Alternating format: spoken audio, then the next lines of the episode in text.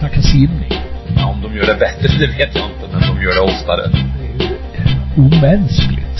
Ja, det gör vi Bosse. Vi trummar på. Simpodden, Hultén och Jansson. Mm, då är vi igång här med inspelning av Simpodden 221. Ska vi hoppas att all, allt ljud och ljus och allt sånt där eh, ska fungera. Är du med mig Jansson? Ja, jag sitter och tittar på det här och du har eh, ljus ovanifrån som lyser på dig så du ser yngre ut än någonsin. Mm, och jag ser bara din eh, eh, lätt hårbeväxta eh, flint där överst. Men nu blev det bättre. Nu blev det fullmåne så att säga.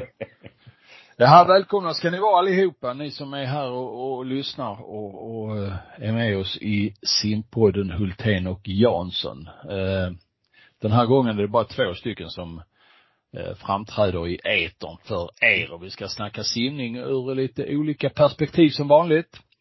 Eh, det blir ju en del från den här tränarkonferensen i Lund i helgen. Det blir eh, lite idrottsskala. Det blir kvaltider. Det blir amerikanska GP, statistik och ja, lite, lite av varje så att säga. Vi ska väl se här vad vi, vi landar allra först. Vad ska vi inleda med tycker du Jansson? Vad är du mest sugen på att snacka om? Vad är det Ja, som spritter mest? Nej men det är ju de här simpunkterna sen, men vi kan väl börja med det som är lite färskt i huvudet att eh, den här veckan har ju två större saker, en av betydelse och en av mindre betydelse gått av stapeln, nämligen eh, det har blivit klart vilka som har tv-rättigheterna för kommande fyra OS, 26, 28, 30 och 32.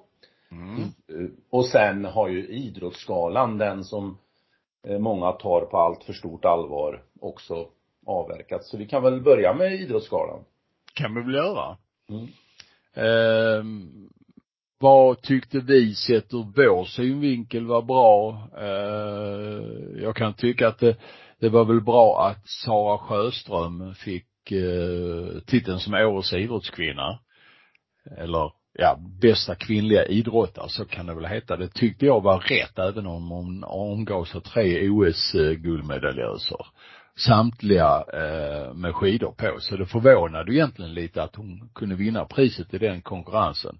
Fast hon är överlägsen. Det är min, mitt intryck. Vad tycker du? Ja men alltså, det är ju två perspektiv på det. Om man lyfter in vilken idrott hon håller på med och hennes karriär, så är det ju tveklöst som ni var inne på när vi pratade om det här, eh, när panelen var med.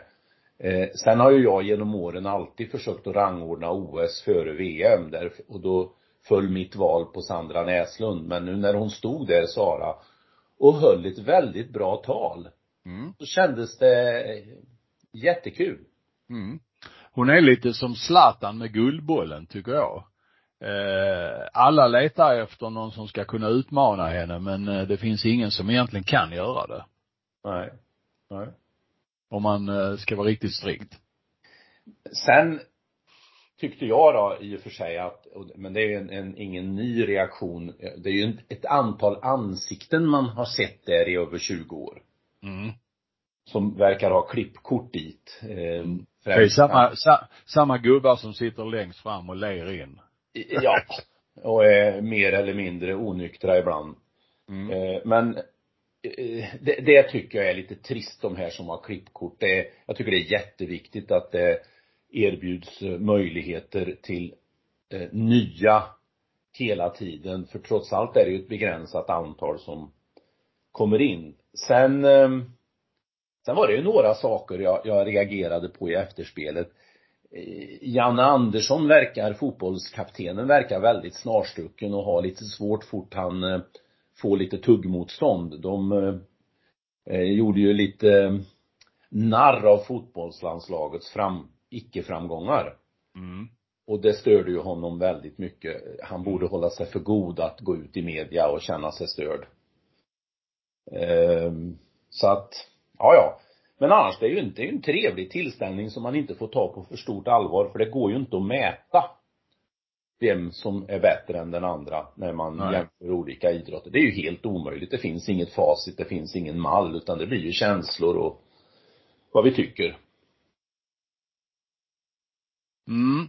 Eh, jag tycker oftast att eh, en del av underhållningen på de här, det som är vid sidan om prisutdelningen är ofta ganska tafflig och dålig. Och det var väl samma sak här. Det var någon, något försök till en sketch eh, där man skulle imitera stjärnorna på slottet eller vad det var för någonting. Eh, eller om det var Så mycket bättre. Och det, den föll ju så platt till jorden så att eh, jag vet inte vad som hände där. Det, nej, det var ju oerhört pinsamt.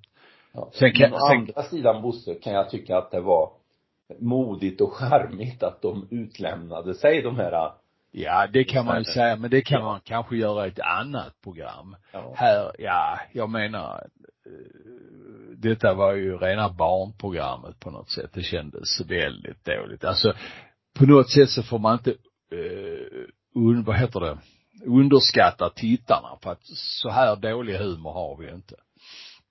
Sen kan jag tycka att eh, Armand Duplantis, han skulle naturligtvis haft ett pris. Det blev lite för mycket van der Poel och eh, man ska ju ändå betrakta då som många skrivare i pressen har gjort att Duplantis rankades som tvåa i världen efter Messi som idrottsman under 2022. På svenska galan fick han ingenting men det säger ju inte mig något att han blir rankad som tvåa för de har ju inget att mäta mot där heller.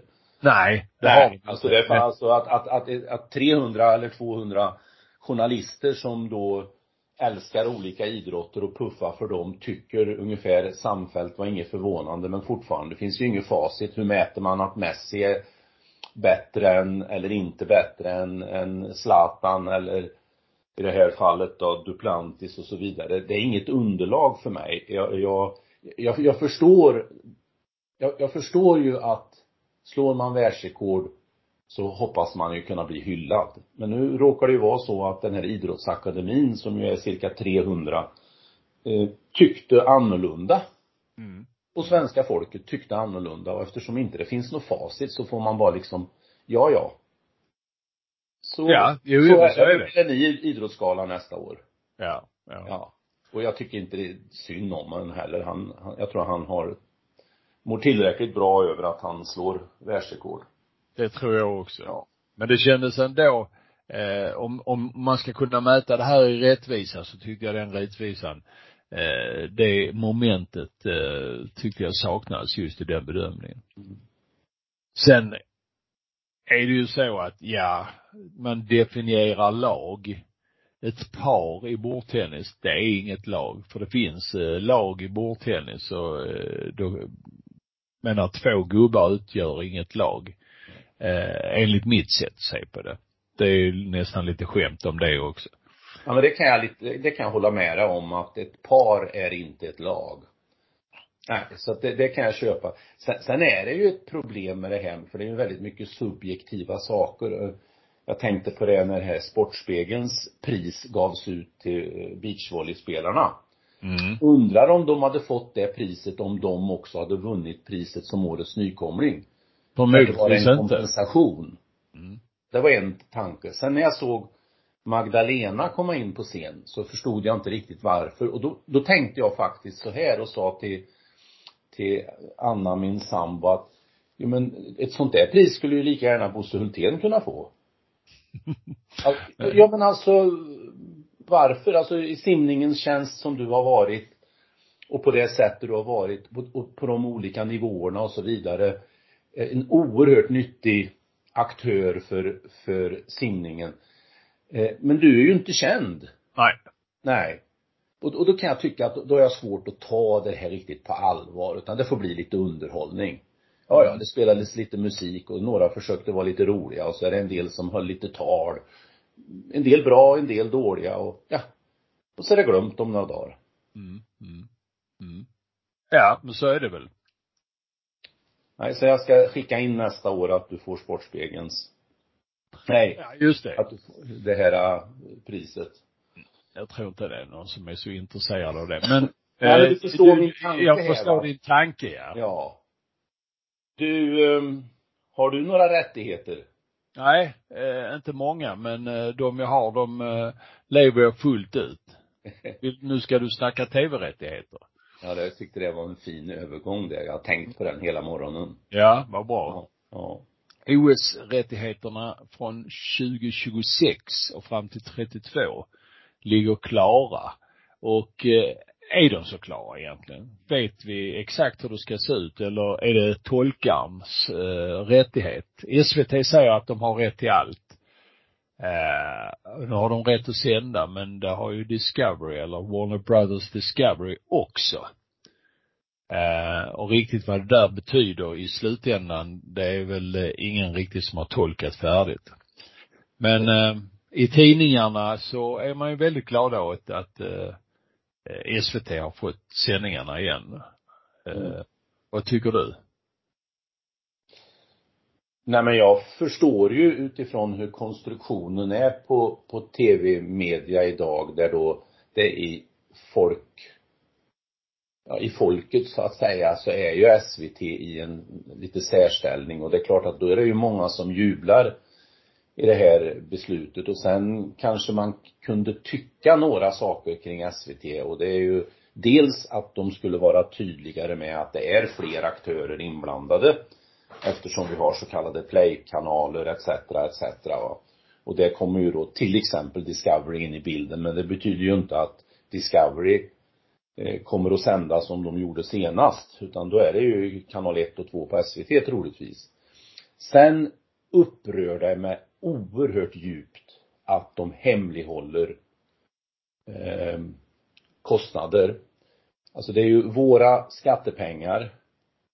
Eh, vi har ju ingen möjlighet att bedöma hur, huruvida man skulle använt de här pengarna på annat sätt. Och då hänvisar man till att det är, vad det nu var, 50 länder inblandade i de här olika förhandlingarna och att man måste hemlighålla det. Och då kan jag tycka att då ska man inte avge ett bud.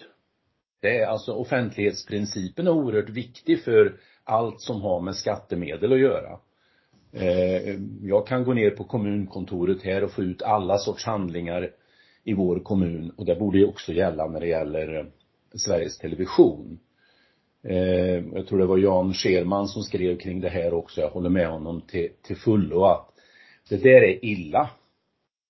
Verkligen illa. Eh, är det så strikt att de inte kan avslöja, då skulle de inte ha gett bud. Man ska inte hemlighålla våra skattepengar. Eh, tv-chefen Jan Helin heter han väl. Eh, han säger så här i något uttalande, eller sa det i tv häromdagen i alla fall, vad det nu var, att eh, inget kommer att få stryka på foten för vårt OS-avtal. Eh, och det har jag väldigt svårt att tro att det skulle kunna klämmas in i budgeten utan att eh, man måste göra åtstramningar. Man kan ju åtminstone hoppas att de eh, eh, ger Vinterstudion några kvadratmeter mindre yta och lite mindre sändningstid så att det blir en, en vettigare fördelning där så kan de lägga pengarna på OS istället. Men så skulle det icke vara enligt honom. Nej men det är klart att om, om nu det är sant att det är en miljard, vi vet ju inte summan, så klart att den miljarden kunde ju användas till andra saker. Det, det, det begriper ju även de som är chefer på tv. Att försöka lura folk att det blir exakt samma tablåer, det är ju omöjligt för då skulle ju den där miljonen inte ha behövts egentligen. Miljarden. Miljarden, förlåt. Ja, ja, så är det. Det blir, ehm, det är bra att det finns lite och... Men sen är ju frågan hur, hur kommer det här fördelas mellan betal-tv och det de kallar, Eh, som åtminstone förr hette eh, public service. Numera heter det free TV, tycker jag det ser ut som. Eh, man har väl övergett det här public service idealet. Hur kommer fördelningen se ut? Kommer det se ut som det gjorde med olympiska spel fram till 2012, det vill säga att de som köper det på betalkanalerna kommer att sända precis lika mycket som de som säljer, eh, sänder det på fri-tv-kanalerna. Eh, jag tror nästan att det blir så att, eh, men sen är ju frågan hur det kommer att läggas upp, eh, kommer det sändas på svenska, eh, i betal-tv och så vidare och så vidare. Mm, vi får se. Vad är det det heter? Den som lever får se. Ja, eller den som ser lever. Ja, exakt. Ja. Mm. Så kan det vara också. Jaha du. Ehm, Nu pratar vi simning tycker jag. ja det gör vi va. Ja. Nya kvaltider. Mm. Ehm, och du eh, har noterat att det har blivit en förändring på nivån där på kvaltiderna till eh, olika arrangemang. Utveckla det lite. Nej men det, det skapar ju, jag, jag är ju verkligen för eh, snälla kvaltider eller i princip inte kvaltider alls. Och nu har det ju blivit en mildring i kvaltiderna utan att gå in på specifika fall och åldrar och så vidare så kan man konstatera om man tittar med den breda pennan att fler ges möjlighet att simma Mm. på mästerskap. Och då har jag också förstått att det finns en viss irritation hos storklubbarna. Att det skulle bli dyrt för dem. Ett Mm. positivt problem. Men jag menar, stor, det, det är väl ingen självklarhet att bara för att man har klarat en kvaltid att den stora klubben måste anmäla dig. Man kan ju ha egna regler om man tycker att man har bättre regler.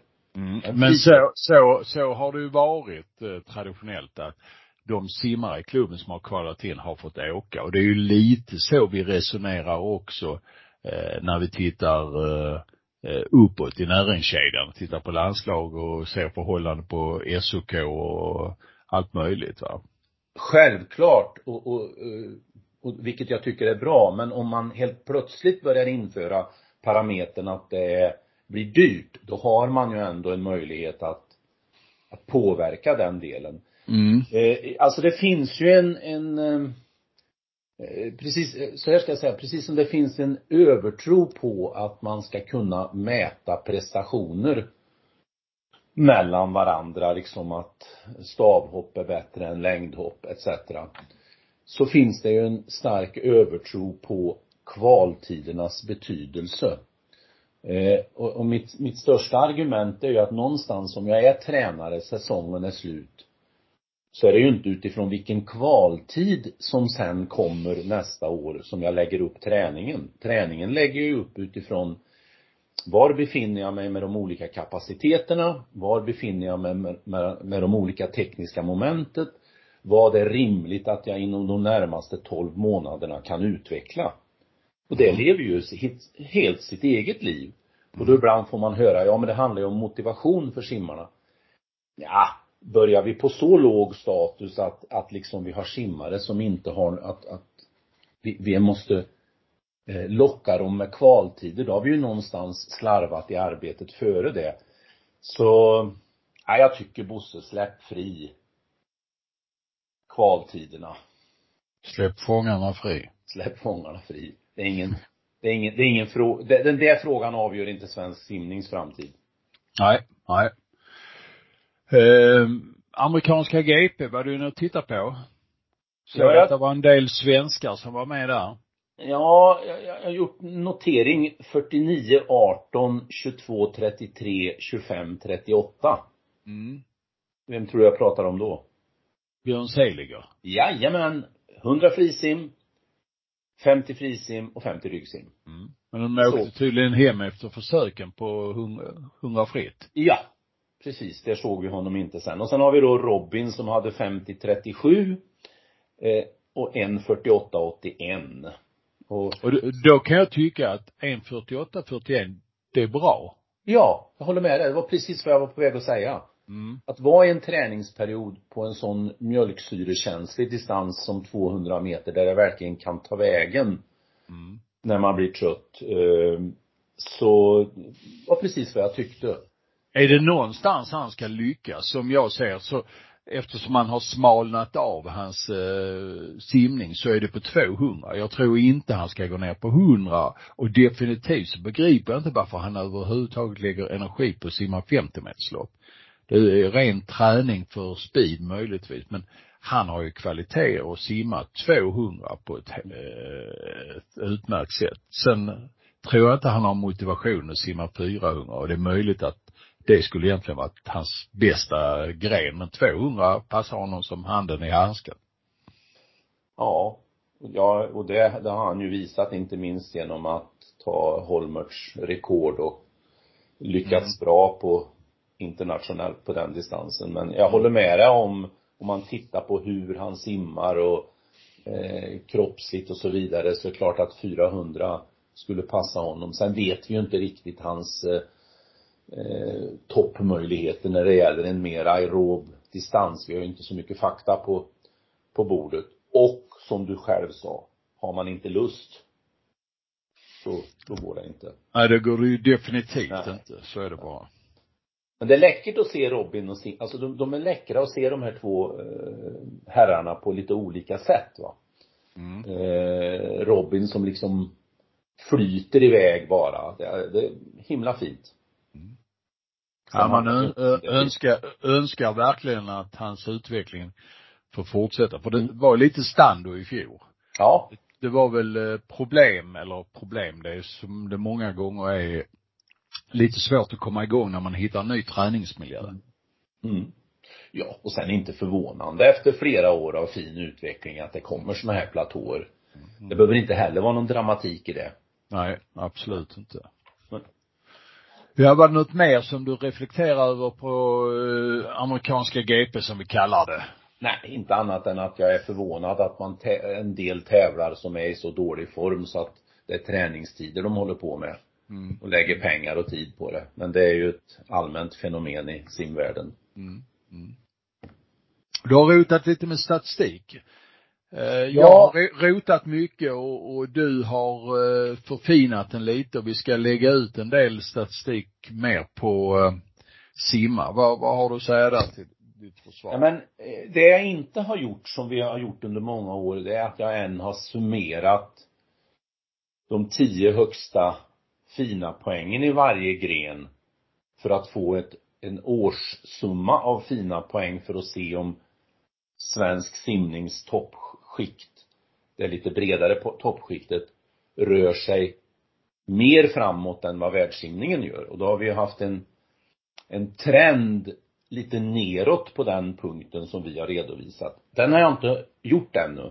Jag har prioriterat andra saker. Men däremot har jag ställt samman eh, hur många i de olika grenarna som är över 700, 800 eller 900 poäng i både 50 meters bassäng och 25 meters bassäng. Och då, då kan jag ju notera att skillnaderna mellan damer och herrar, det väl, har vi kanske också upplevt, har lite grann suddats ut. Eh, damerna var ju kraftfullt bättre än herrarna. Eh, under många, många år egentligen från 2012 och någonting sånt där framåt, eller kanske ännu tidigare. Men det har suddats ut lite grann eh, utan att man kan säga att damerna eh, har blivit eh, sämre utan herrarna har blivit lite bättre. Eh, man kan också konstatera att skillnaden mellan 25 och 50 bassäng, alltså hur många som klarar de här olika nivåerna, 7, 8 och 900 fina poäng, den har också lite grann suddats ut. Eh, lite grann att vi har blivit lite bättre på långbana är min tolkning. Bra på kortbana har vi ju varit liksom generellt sett.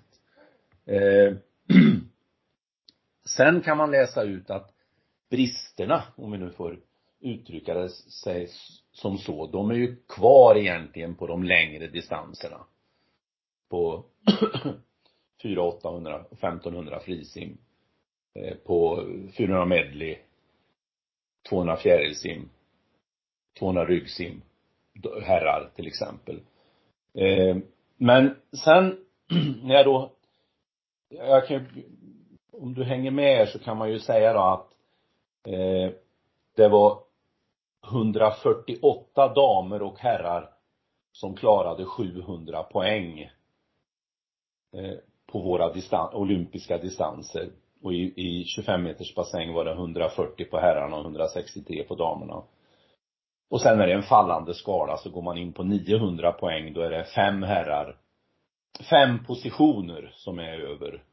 Och på damerna är det sex positioner i 50 Och så är det Det är inte lite- sex olika Ja, på, alltså distanser, det kan ju vara samma simmare. Ja, precis. Ja. Men, och då tänkte jag det, hur- hur bra är vi på, på bredden egentligen? Och då gick jag in i ett förnämligt statistikmaterial som Svensk Friidrott har. det är verkligen, det kan jag rekommendera hur den uppläggningen är. Det är oerhört enkelt att hitta olika saker och så tänker jag måste se här eftersom jag har tittat på finkamper och ojat mig över att de springer så sakta och hoppar så kort på bredden. Eh, hur, hur är det ställt med bredden där? Och då kan man ju i det perspektivet säga att svensk simning är lysande. Det var ju grenar jag hittade där, där de inte hade eh, 25 positioner ens. Alltså 25 som har tävlat. Oj. Till exempel eh, tiokamp. Mm. Mm. Ja. Och tittar man på stavhopp då, som ju nu är ropet. Och, och, och så ser man ju att, nej men herregud, det är ju inte många som håller på med stavhopp heller. Hur kan man då komma fram till att den är hårt konkurrensutsatt? Och så börjar jag gräva, men det har jag inte hunnit gjort. Hur ser det ut i olika länder? Va? Mm. Så att, utan att snöa in allt för mycket på det, så kan man konstatera att i det perspektivet så är, finns det positivt att säga om svensk simning. Trots att vi önskar mer. Alltså, när jag snackar med friidrottsexperter så säger de att simningen är en förebild för dem. Och att raset på friidrotten är monumentalt. Eh, och det är riktigt, riktigt, riktigt illa. Mm. Alltså svensk friidrott är riktigt eh, kass på bredden. Däremot så har man en förmåga att hitta talanger, identifiera dem och sedan eh, vårda dem ganska bra och få upp dem på internationell nivå. Eh, de är ganska duktiga i Sverige på junior-EM-nivå, heter det JEM eh, i friidrott. Och dit är, dit hittar man eh, adepterna väldigt enkelt och, och kan jobba med dem. Och jag tror det beror väldigt mycket på att eh, friidrotten är ännu mer en individuell gren än vad simning är. Vi jobbar i större grupper. Eh, vi lägger inte ner lika mycket energi per capita rent träningsmässigt som man gör i friidrotten. En eh, tränare som har till exempel kulstöte har kanske en två, tre stycken adepter som tränare. En simtränare har alltid, ja, minimum 10, ofta 20 i sin grupp. Eh, på alla olika nivåer. Och det gör att individen hos oss får inte riktigt den eh, omvårdnaden eh, Eh, så att vi lockar fram stjärnorna på samma sätt som man kan göra i friidrott. Men däremot är friidrotten en mycket, mycket smalare gren. Det finns ju stafett eh, grenar på SM där man kanske bara har knappt eh, final, en final full. Eh, där vi måste ha försökt i tre, fyra hit i simningen. Men det här innebär ju att det är ju inte friidrotten vi får ha som referensram när vi angriper vår idrott. Sen en reflektion. Eh, det är ju de tekniska grenarna friidrotten genom åren har lyckats. eh, Ja. Ja. På på, på, och där har de ju samma bekymmer som vi har med långdistans. Ja, det är det. Simningen så har de ju eh, problem där, även om det nu var en som satte svenskt rekord som i somras här på, på 5000 meter till exempel, så har de ändå långt kvar till världseliten där. Och det kanske Men- är ett välfärdsproblem. Ja, jag tror att det är det va. För går du runt och tittar i många länder så är det så att eh, toppen på distansgrenarna är ytterst smal och om det överhuvudtaget finns en satsning eh, på distansgrenar. Holland är ju ett land som aldrig har haft distanssimmare. Belgien och så vidare. Man kan gå och titta på, på massor av länder där man inte har distanssatsningar. Och vi är ett av dem. Eh, avslutningsvis så ska jag ta ett exempel. På 50 fjärilsim har vi 20 stycken som klarar 700 poäng. På 200 fjärilsim har vi tre stycken när det gäller herrar. Mm. 50 meters bana. Och så ser det ut i ett antal grenar. Mm. Nog om det. Ja. Eh, och då, då kan man ju säga så här bara som en kommentar att, att ja, 50 fjäril kan man ofta simma utan att specialträna fjäril. Däremot 200 fjäril kan man absolut inte simma om man inte specialtränar fjärilsim. Och det är kanske någonstans där vi hittar, alltså kombinationen av det här snacket senaste minuterna, att individanpassa träningen mer, att jobba i mindre grupper, att specialanpassa träningen till eh, Eh, och inte bara simma frisim som väldigt många gör, utan simma mer av tekniksimsätten. Eh, för det är helt klart så att utvecklingen på 50 metersdistanserna har gått framåt i Sverige om man tittar på bredden. Det är många yngre simmare idag som har anammat det här styrketräningsmodellen och simmar riktigt fort på till exempel 50 bröstsim. Eh, och 50 fjäril och 50 bröstsim är ju grenar som man kan simma oavsett egentligen bakre förmåga. Det kan man nästan träna sig till skulle jag vilja säga. Eh, däremot så är det helt andra förmågor som mäts när man ska simma 200 bröstsim och 200 fjärilsim. Skulle du klara att simma 200 fjärilsim utan att bli diskvalificerad om du skulle köra? Inte, inte idag. Jag, jag klarar inte det. Jag klarade inte ens när jag eh, eh var aktiv simmare. Ja, då fick man, man eh, jag orkade köra kicken i 150. Sen var jag tvungen att köra bröstsimsbentag, precis som man är tillåts att göra i mastersimning. Mm. Eh, och jag minns eh, en av mina sedermera eh, adepter som blev duktig på fjärilsim, eh, Dan Eliasson. Han och jag simmade mot varandra på 200 fjärilsim i Ystad på korsvirkesimmet. Och då var väl jag ungefär 20 och han var 13. Och jag ledde efter, ja det var, jag gjorde två 200 fjärilslopp. Jag ledde efter 150 och sen kom han som ett spjut på slutet. Jag har aldrig varit så trött i hela mitt liv. Då fick jag stryk av en, han var väl 13 år då eller någonting sånt där. Men det var eh, ett roligt minne ändå. Koppla in bröstningsbentagen där och känna hur jävla trött man var. Ja, det är nyttigt. Mm. Du har varit på konferens, eller du har lett konferens? Jag har varit moderator i alla fall på ja. någonting som heter VADC i Lund. Som var en eh, världsomspännande konferens med 350 deltagare från 26 länder och föreläsare från hela världen. Det var tredje gången som jag och Torsten Bure modererade den eh, tränardelen där, för det är två spår. Ett swim, learn to swim och ett eh, tävlingsspår. Och eh, min syn, ja, denna gången tyckte jag inte föreläsarnivån var lika bra som det har varit tidigare. Eh, riktigt. Ja, ja, ja, det var spännande namn och det var en del riktigt intressanta men men det var, jag tyckte att det var ett litet steg neråt. Men eh, det är en ambitiös och bra satsning och det var några tränare som jag tyckte bjöd på sig. Det, det gäller att bjuda på sig som tränare. Eh, tycker jag när man, när man föreläser eller som föreläsare överhuvudtaget. Eh, vissa ämnen där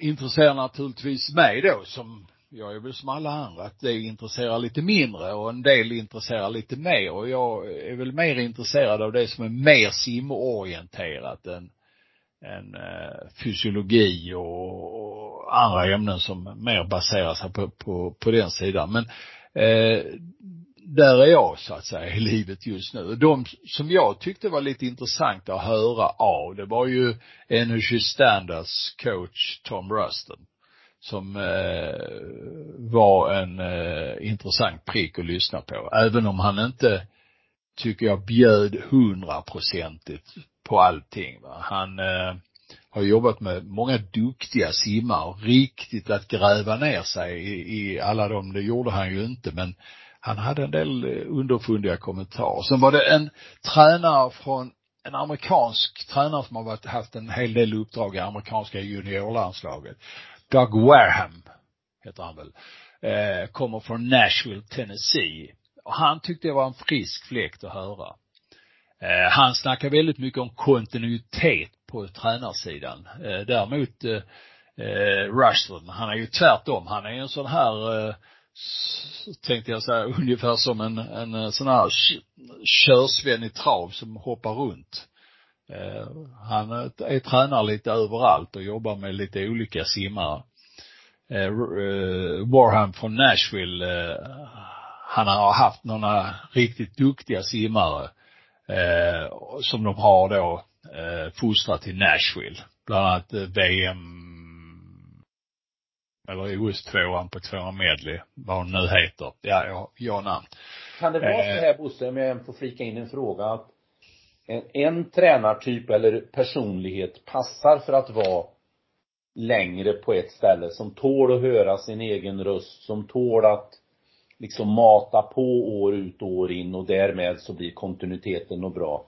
Medan andra tränare som är kanske uppträder mer på träningen så att Mm. säga, är, är Mm. mer, eh, vad ska vi säga, på här och nu va och, och försöker kanske slå världsrekord varje dag. Men så är det ju. De behöver flytta på sig. Ja. Alltså kontinuitetstränarna, de är ju ofta där för att bygga upp någonting. Ett, eh, ett eh, sustainable eh, koncept så att säga. Som kan vara sen även när de slutar.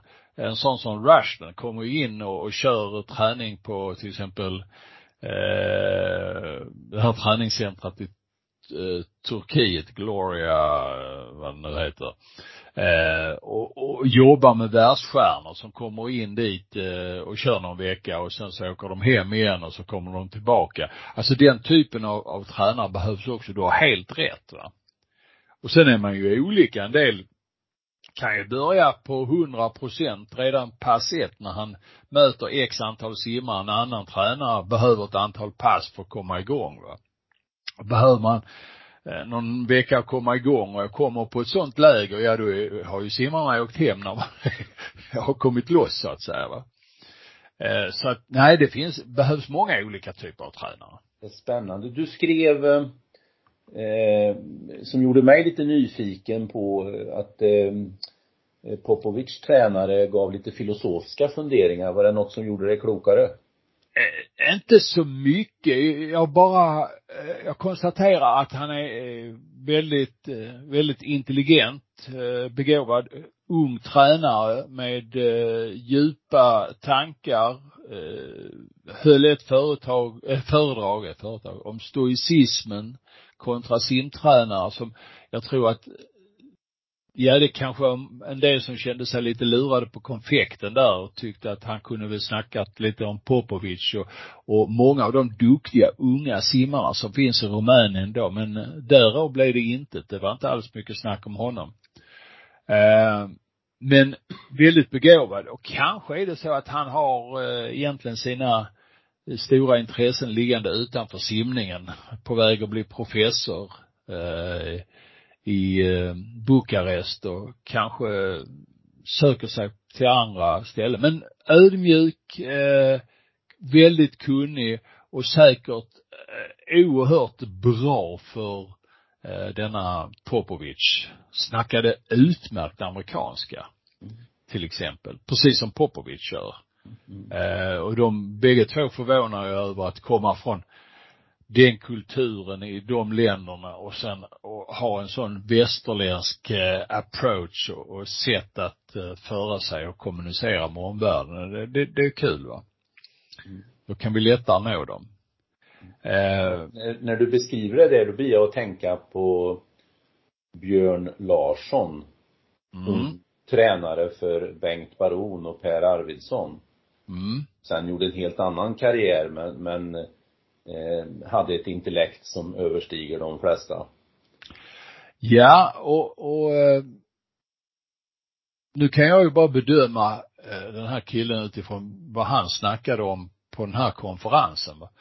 Och ibland så känner jag liksom att eh, man måste gräva, man måste bjuda både på högt och lågt och gräva, eh, liksom bjuda på sin, man, man får inte spela på en för hög nivå hela tiden. Man, man ska lyfta upp diskussionen så att det känns att man har tänkt till kan jag tycka och, och, och lägger den kanske på ett lite högre plan. Men man måste ner och gräva i, i bland gräsrötterna också och visa upp vad gör vi, vad, hur tänker vi här, varför har vi landat här? Mer exempel ge detta. Ja, varannan vecka på torsdagar kör vi 8.25 start en gång i timmen.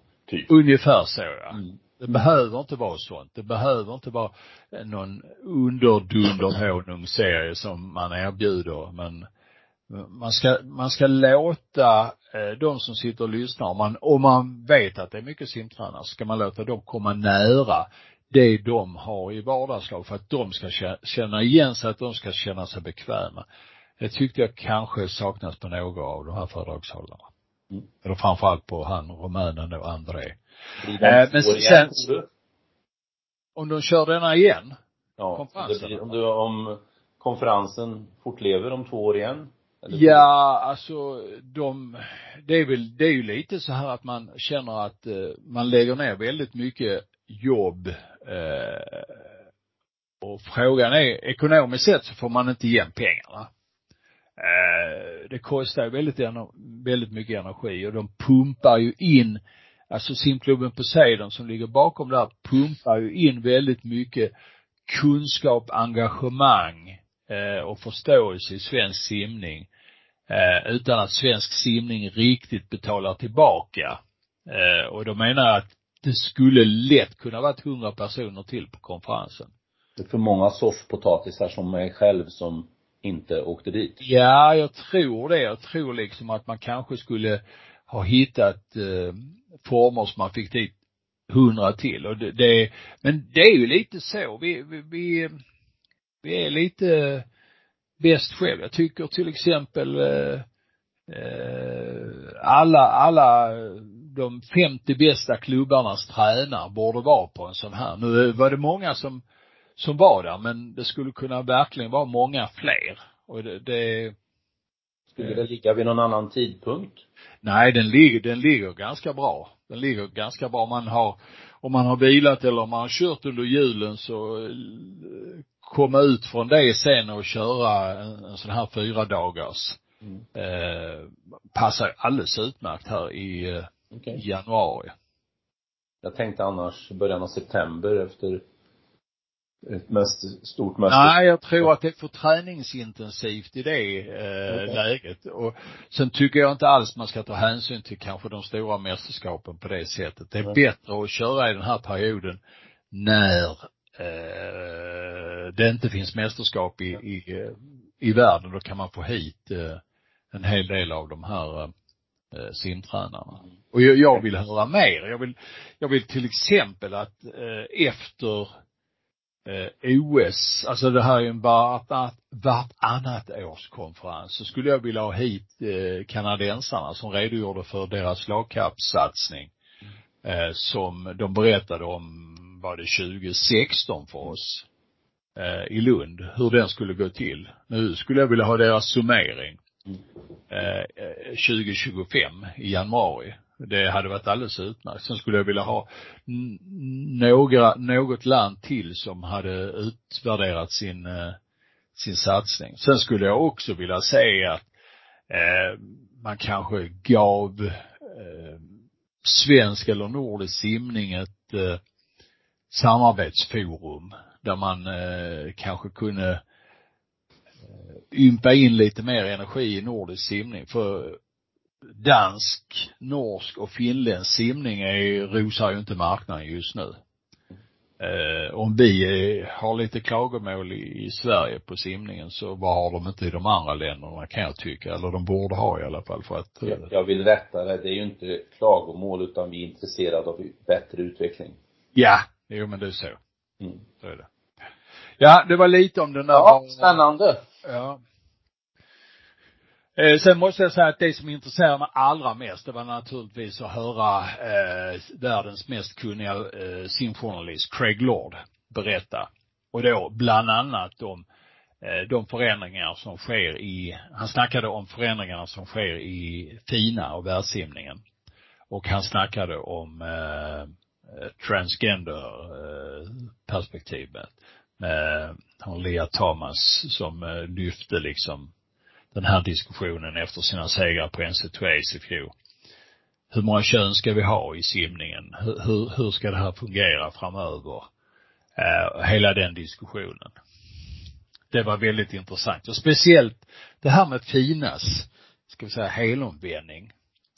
Eh, om det bara, ja det är naturligtvis eh, eh den är gjord under, eh, vad, vad, brukar man kalla, under bilan.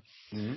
man har ju fått påtryckningar utifrån och är tvungna att, att förändra sin värld. Och det finns ett antal olika förändringar som man kommer att göra där. En förändring som de har backat på, det är ju det här med hur lag ska kvala in till OS. Mm. Det kan du redogöra för, för, jo, men, för och efter? Historiskt sett, om vi tittar i de senaste 20 åren ungefär, så har det ju varit som så att eh, 16 länder får ställa upp på OS. 12, de 12 bästa på VM året före, före äger rätt att anmäla sig och sen har det varit fyra kvalplatser. Eh, sen tog man ett beslut här att eh, det här VMet som kommer att gå i början utav 2024 mm. helt plötsligt skulle vara det som gäller för kvalificering till OS för lagen. Mm. Inte det VM som går till sommaren i Fukuoka. Eh, men nu har man ju backat då, så att nu går det ju att kvalificera sig via Fukuoka om jag har förstått rätt. Mm. Så att eh, Sverige har ju en möjlighet om man inte tycker det är bra att åka på det här extra VMet som jag säger i början på nästa mm. år. Eh, så det är väl lite kortfattat att eh, man har eh, kanske lyssnat på kritiken. Mm. Sen kommer det förändras på byrånivå i, i fina internationella simförbundet. Man kommer att lyfta upp den kvinnliga representationen till 40 procent. Mm. Överallt. och många, många andra grejer som vi ska redogöra för på simma sen. Det har ju kommit eh, en del information om detta, men vi ska vaska fram eh, en del av det till er. Bland annat så eh, plockar man ju bort eh, det här med att eh, tidigare sekreterare, kassörer och ordförande livslångt sitter kvar i fina byrån och, och kan åka första klass runt världen i resten av sitt liv tills man får bära in dem och ut dem från simarenorna och sånt där. Det, när man avgår så avgår man, då försvinner man. Har du beställt några bärare till oss? Nej, inte nästa gång. Eh, men. När de kommer till när vi sitter ja, i sändning. Ja. Nej. Kommer det två hit till Filipstad? Nej. Nej och två i Malmö. Ja, ungefär så är det kanske. Bara det inte blir samtidigt så någon hinner avsluta i alla fall. Du, eh, vet du hur många lagkappsmedaljer på OS som Sverige har? Oh. Nu hoppar jag på det lite grann här för jag ja, har det är just... noteringar utan att ha pratat med dig. Ja, vi ska se här. OS säger du? Ja. Uh, vad ska vi dra till med? Ja, Ja, vänta, vi, vi försöker här. Vi har ingen på fyra gånger hundra medley damer, va? Eller har vi en? Nej, vi har ingen där. Ja, vi har ingen där. Nej. Och vi har ingen på fyra gånger hundra medley herrar. Nej, det är rätt. Nej. Eh, på damernas fyra gånger två har vi ingen. På damernas fyra gånger hundra har vi en, två, kan vi ha 2000, 1920, 1924, kan det vara det? Ja, du är rätt på, det är helt rätt. Ja, det är tre va? Ja, sen ska du till med 1980. Ja, ja. Det är eh, silvret där ja. ja Annars är det bronsmedaljer de andra tre. Ja. Eh, Carina, Tina, Agneta, Agneta. Ja. Mm. Och sen eh, frågan är om du kan dem 1920? Ja, det kan jag. Ja, du har dem framför dig där kan jag. Vadå, har dem fram? Aina Berg. Ja. Eh, Emmy McNo. Macno. Karin Nilsson Macno. och Jane Gylling. Ja, precis. Ja. Och Helt Aina tillhör den fina skaran av att ha två lagmedaljer. För hon ja. var med i laget 24. Stämmer. Och då ställer hon sig i skaran utav tre killar som har två lagmedaljer. Okej. Okay. Vilka tre är det, tror du? Uh,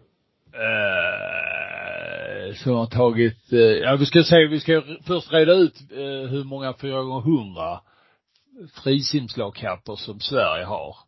Det är det uh, vi är ute efter va.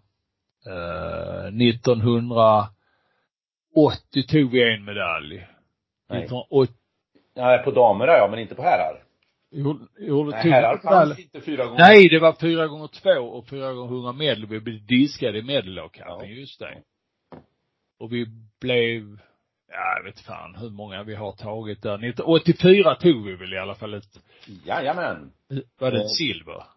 Eh, ett brons. Brons var det ja. Ja, det var ju då um, Leidström på första, Baronen på andra, Örnen på tredje och Lätt. Johansson som gör fina Ja, Johan. 49-29 på sista sträckan Så var det ja. 1980. Ja. Vi har åtta lagkappsmedaljer genom åren. Okej. I det sammanhang. Tre, tre för damer och fem för herrar. Eh, fyra för damer och fyra för herrar. Okej. Mm. Och, och varför har jag då skrivit ner de här? Och, Ja, det vet jag ju inte. Ja, nej. Ehm, jag kan ju så säga att herrarnas 4 gånger 2 1924 var Georg Werner, Orvar Trolle, Åke Borg och Arne Borg. Men jag har skrivit upp det därför att jag längtar efter Fukuoka i sommar. Okej. Och Jag efter- säga en sak. Ja. När du nämner de herrarna där från 1924, så eh, det som är intressant är ju att den stora ikonen där, Arne Borg är med, men hans tvillingbror också, Åke, är med i samma lag. Mm. Att de var tvillingar och var med i samma lag, det var rätt intressant. Ja, Sen- det är ju en verk, ja, det är en kuriosa grej verkligen. Ja. Sen Orvar Trolle då som vann några SM-guld och vann, var med i Malmö simsällskap var ju väldigt dominerande innan 1920 på 4 gånger 100 frisim.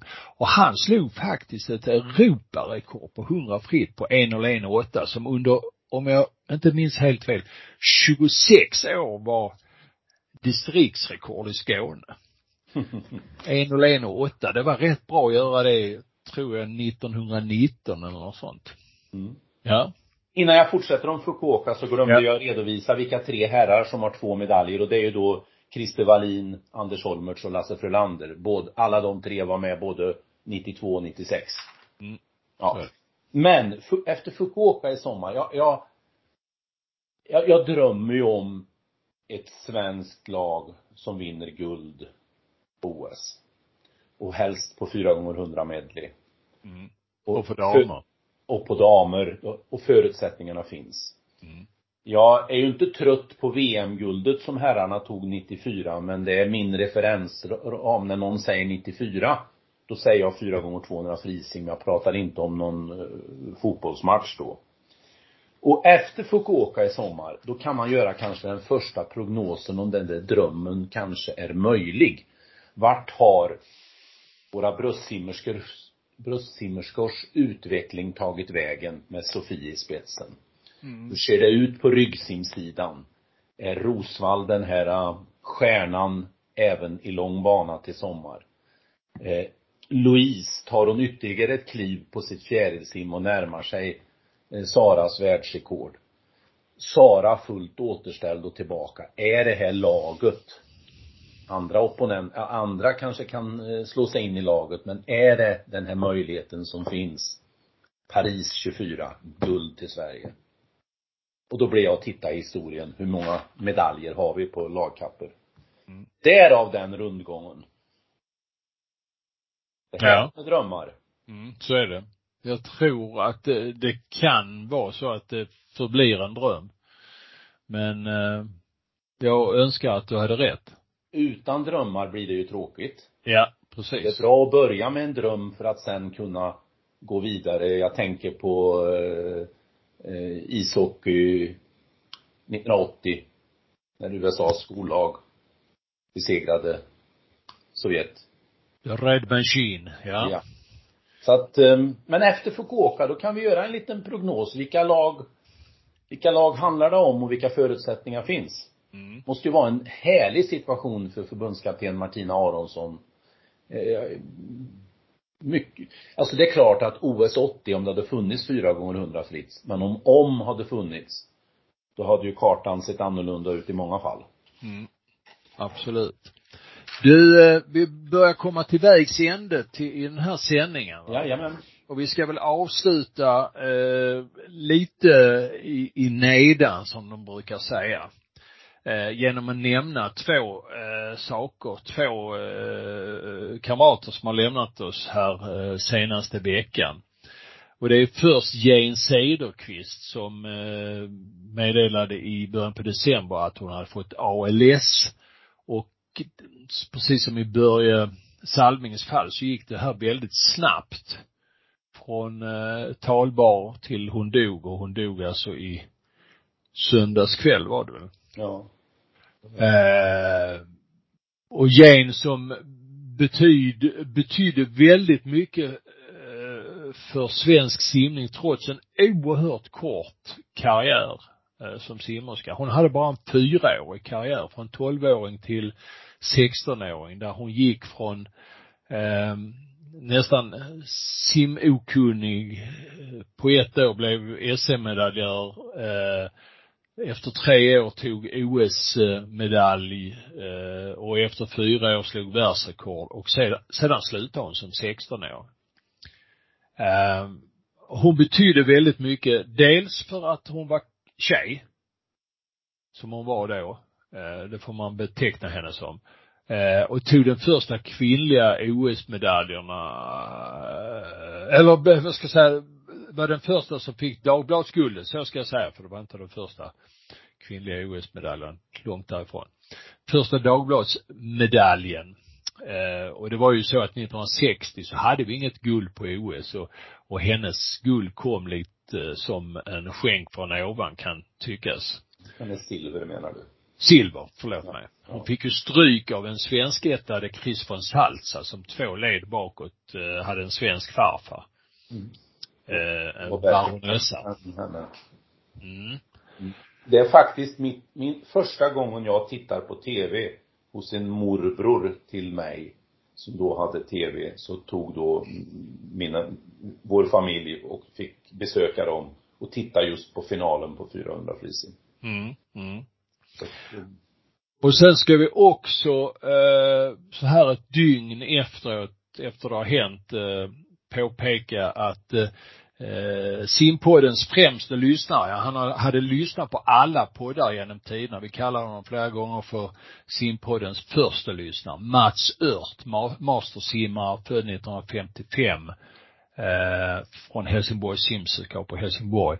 Han dog igår under ett träningspass i Filbornabadet. Och eh, det är ju naturligtvis väldigt sorgligt. Han hörde av sig i stort sett efter varje podd med en liten kommentar, en liten eh, en liten puff och, och och, eh, försökte peppa oss om det var si eller så. Va? Hade alltid en god kommentar, ett leende eh, på läpparna. Eh, och dör alltså eh, under ett masterspass eh, igår förmiddag. Väldigt eh, ledsamt. Jag blev väldigt ledsen när jag hörde det igår. Och eh, frid över hans minne så att säga. Eh, och eh, naturligtvis så, så så tänker vi väldigt goda tankar eh, om honom. Tack för det. Det var två stycken som har lämnat oss eh, den här veckan. Eh, det blir ju, åtminstone när man börjar bli lite äldre som vi är, eh, så får man uppleva den här eh, feelingen alldeles för ofta. Så är det ju bara. Mm. Uh, och därmed så slår vi igen butiken för den här simpodden. Vi har hållit på nästan en timme Jansson. Nu är vi mm. klara för idag. Ja, Tack. det är vi. Och adjö. Nu ska vi snacka simning. Ja, om de gör det bättre, det vet jag inte, men de gör det oftare. Det är omänskligt. Ja, det gör vi Bosse. Vi trummar på. Simpodden, Hultén och Jansson.